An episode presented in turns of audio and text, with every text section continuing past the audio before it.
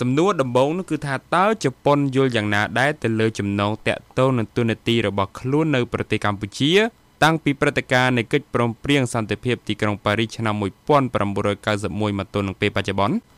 ទំនាក់ទំនងរវាងជប៉ុននិងកម្ពុជាបានអភិវឌ្ឍនៅលើវិស័យជាច្រើនចម្រុះគ្នាតាំងពីឆ្នាំ1991មក ឯកលើចំណងមិត្តភាពជាយូរលង់រវាងប្រទេសយើងទាំងពីរនៅឆ្នាំ2013នាយករដ្ឋមន្ត្រីស៊ីនសូអាបេនិងលោកនាយករដ្ឋមន្ត្រីហ៊ុនសែនបានសម្រេចដំឡើងកម្រិតឋានានុក្រមនៃទំនាក់ទំនងទ្វេភាគីទាំងសងខាងប្រទេសទៅជាភាពជាដៃគូយុទ្ធសាស្ត្រហើយក៏បានធ្វើផងដែរក្នុងការសម្របសម្រួលនិងចាប់ដៃជាសហប្រតិបត្តិការលើបញ្ហាតំបន់ក៏ដូចជាបញ្ហាអន្តរជាតិនានាផងដែរ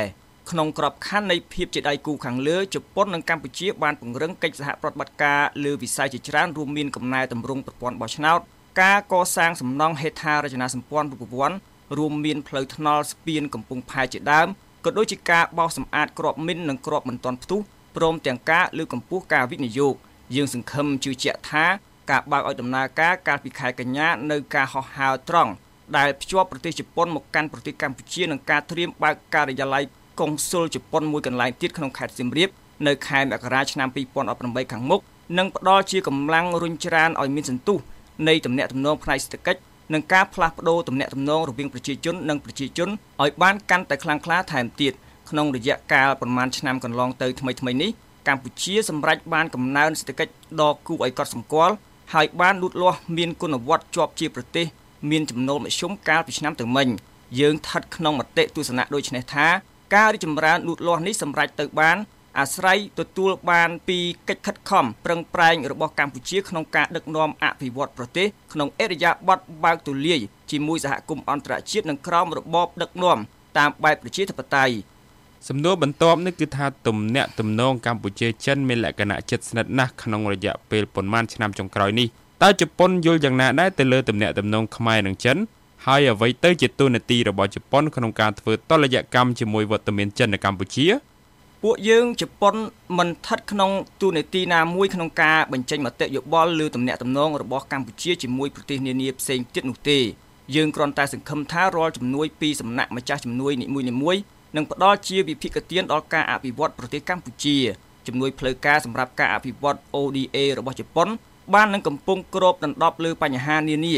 នៃការអភិវឌ្ឍនៅទីនេះក្នុងប្រទេសកម្ពុជារួមមានការផ្គត់ផ្គង់ទឹកសុខភាពមាតានិងកុមារការអប់រំសិក្សាធិការវិស័យគមនាគមន៍កសិកម្មការបោសសម្អាតផ្ទៃដីគ្របដណ្ដប់ដោយគ្រាប់មីនការធ្វើឲ្យប្រសើរឡើងនៃបរិយាកាសវិនិយោគនិងការលើកកម្ពស់នៃគុណភាពប្រព័ន្ធច្បាប់ដែលរួមមានកំណែតម្រង់ប្រព័ន្ធបោះឆ្នោតនិងការអភិវឌ្ឍធនធានមនុស្សលើវិស័យជាច្រើនជប៉ុនបានផ្ដល់វិភាគទានក្នុងការងារពង្រឹងមូលដ្ឋានគ្រឹះផ្នែកសង្គមសេដ្ឋកិច្ច តាមរយៈចំណងសហការជាមួយតួអង្គអភិវឌ្ឍជាច្រើនដោយប្រើប្រាស់នៅបច្ចេកវិទ្យានិងបទពិសោធន៍របស់ជប៉ុនជាប្រយោជន៍ដល់ការងារជំនួយនានានេះហើយគឺជាគុណតម្លៃដ៏ពិសេសនៃកិច្ចសហប្រតិបត្តិការរបស់ប្រទេសជប៉ុន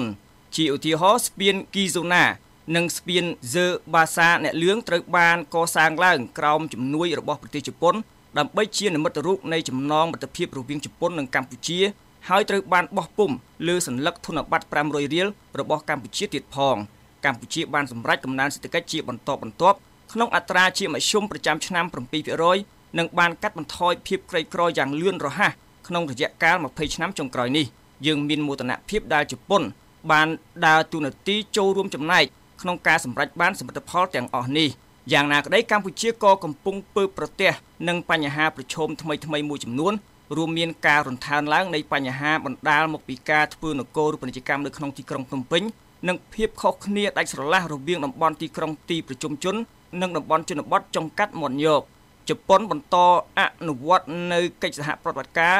លើការងារអភិវឌ្ឍក្នុងបន្ទាត់ក្របខ័ណ្ឌនៃគោលនយោបាយអភិវឌ្ឍដាក់ចេញដោយរាជរដ្ឋាភិបាលកម្ពុជាខ្លួនឯងសំណួរបន្តនោះគឺនៅត្រង់ថាចំពោះបញ្ហានៃការបង្ក្រាបផ្នែកនយោបាយនាពេលថ្មីៗនេះនៅប្រទេសកម្ពុជា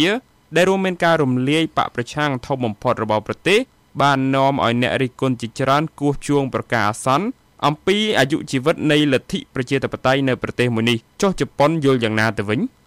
យើងមានក្តីបារម្ភដែលវាឈានទៅដល់ការរំលាយគណៈបកជំទាស់មួយដែលទទួលបានការគ្រប់គ្រងពីប្រជាជនកម្ពុជាក្នុងចំនួនមួយកាលពីពេលបោះឆ្នោតកន្លងទៅយើងបានបញ្ចេញនៅក្តីបារម្ភរបស់យើងជាបន្តបន្ទាប់ ប្រាប់ទៅរាជរដ្ឋាភិបាលកម្ពុជា បន្ទាប់ពីមានការចាប់ខ្លួននិងឃុំខ្លួនមេដឹកនាំនៃគណៈបកជំទាស់កាលពីខែកញ្ញាឯកឧត្តមអ៊ីវ៉ាហូរីអនុរដ្ឋមន្ត្រីក្រសួងកិច្ចការបរទេសរបស់ជប៉ុនបានមកបំពេញទស្សនកិច្ចនៅកម្ពុជាកាលពីខែតុលាលោកអនុរដ្ឋមន្ត្រីហូរីបានបង្ហាញនូវក្តីបារម្ភរបស់លោកអំពីការកើនឡើងនៃភាពតានតឹងក្នុងស្ថានភាពនយោបាយកម្ពុជានិងស្នើឲ្យមានដំណោះស្រាយលើរាល់បញ្ហាដោយ កិច្ចខិតខំរបស់ប្រជាជនកម្ពុជាខ្លួនឯងនៅក្នុងជំនួបជាមួយឯកឧត្តមប្រាក់សុខុនរដ្ឋមន្ត្រីក្រសួងការបរទេសនិងសហប្រតិបត្តិការអន្តរជាតិកាលពីថ្ងៃទី20ខែវិច្ឆិកាលោករដ្ឋមន្ត្រី Nakani បានបង្ហាញផងដែរនៅក្តីបារម្ភអំពីការរំលាយក្រុមជំទាស់មួយដែលទទួលបានការគ្រប់គ្រងពីប្រជាពលរដ្ឋកម្ពុជាជាច្រើនកុះកក្នុងការបោះឆ្នោតនាពេលកន្លងទៅហើយបានស្នើរដ្ឋាភិបាលកម្ពុជាឲ្យបង្ហាញនៅការធានាថាការបោះឆ្នោតជាតិនៅឆ្នាំក្រោយ នឹងត្រូវបានធ្វើឡើងក្នុងមាគ៌ាមួយដែលនឹងឆ្លុះបញ្ចាំងយ៉ាងសមរម្យអំពីឆន្ទៈរបស់ប្រជាជន វាមានសារៈសំខាន់សម្រាប់ភាគីពាក់ព័ន្ធនានារួមមានទាំងគណៈបកកណ្ដាលអំណាចនិងគណៈបកជំទាស់ក្នុងការបង្កើតនៅកិច្ចខិតខំប្រឹងប្រែងនានាដើម្បីរៀបចំការបោះឆ្នោតជាតិនៅឆ្នាំក្រោយក្នុងមាគ៌ាមួយដែលនឹងឆ្លុះបញ្ចាំងអំពីឆន្ទៈរបស់ប្រជាជនកម្ពុជាជាមួយនឹងចំណាប់អារម្មណ៍ជាពុនពេកជប៉ុននឹងបន្តតាមដានយ៉ាងជិតដិតទៅលើដំណើរវិវត្តទៅនៃស្ថានភាពហើយនឹងផ្ដល់នៅការលើកទឹកចិត្តដែលចាំបាច់ដល់ភាគីពាក់ព័ន្ធនានាសំណួរចុងក្រោយនោះគឺត្រង់ថាបន្ទាប់ពីការរំលាយគណៈបកសង្គ្រោះជាតិម្ចាស់ជំនួយរួមមានសហភាពអឺរ៉ុបនិងសហរដ្ឋអាមេរិកបានសម្រេចផ្អាកការផ្ដល់ជំនួយដល់គណៈកម្មាធិការជាតិរៀបចំការបោះឆ្នោតហៅកាតាកោជបតើជប៉ុនដែលនៅបន្តផ្ដល់ជំនួយដល់កោជបនោះមានចំហយ៉ាងដូចម្តេចដែរ បាទក្នុងការបោះឆ្នោតឃុំសង្កាត់ដែលត្រូវបានរៀបចំកាលពីខែមិថុនាកន្លងទៅជំនួយរបស់ប្រទេសជប៉ុនដើម្បីធ្វើឲ្យប្រសើរឡើងនៅប្រតិបត្តិការចុះឈ្មោះរៀបចំបញ្ជីឈ្មោះបោះឆ្នោតនិងរាប់សន្លឹកឆ្នោតបានផ្ដល់ជាវិភាគទានដល់ការលើកកម្ពស់នៃជំនឿទុកចិត្តទៅលើដំណើរការបោះឆ្នោតវាស្ថិតក្នុងសារៈសំខាន់ក្រៃលែងដែលត្រូវមានការបោះឆ្នោតជាតិនៅឆ្នាំក្រោយដែលឆ្លុះបញ្ចាំងអំពីឆន្ទៈនៃប្រជាជនកម្ពុជា ប្រទេសជប៉ុននឹងបន្តតាមដានដំណើរវិវត្តនៃស្ថានភាពយ៉ាងជិតដិតជាមួយនឹងចំណាប់អារម្មណ៍ជាខ្លាំងបំផុតយើងនឹងបន្តការសន្ទនាជាមួយនឹងរាជរដ្ឋាភិបាលកម្ពុជានឹងនៅបន្តផ្ដល់ជំនួយដល់កំណែតម្រង់ប្រព័ន្ធបោះឆ្នោតក្នុងនាមជាប្រទេសមួយក្នុងចំណោមប្រទេសផ្សេងទៀតដែលបានធ្វើកិច្ចសហប្រតិបត្តិការជាបន្តបន្ទាប់ធានាឲ្យបាន ការកសាងសន្តិភាពនិងដំណើរការកសាងជាតិរបស់កម្ពុជាជប៉ុន សង្ឃឹមយ៉ាងពិតពិតថាប្រជាជនកម្ពុជាខ្លួនឯង នឹងត្រួសត្រាយផ្លូវមួយ ដែលល្អប្រសើរបំផុតឆ្ពោះទៅកាន់អនាគតនិងការអភិវឌ្ឍរបស់ខ្លួនដោយខ្លួនគេ។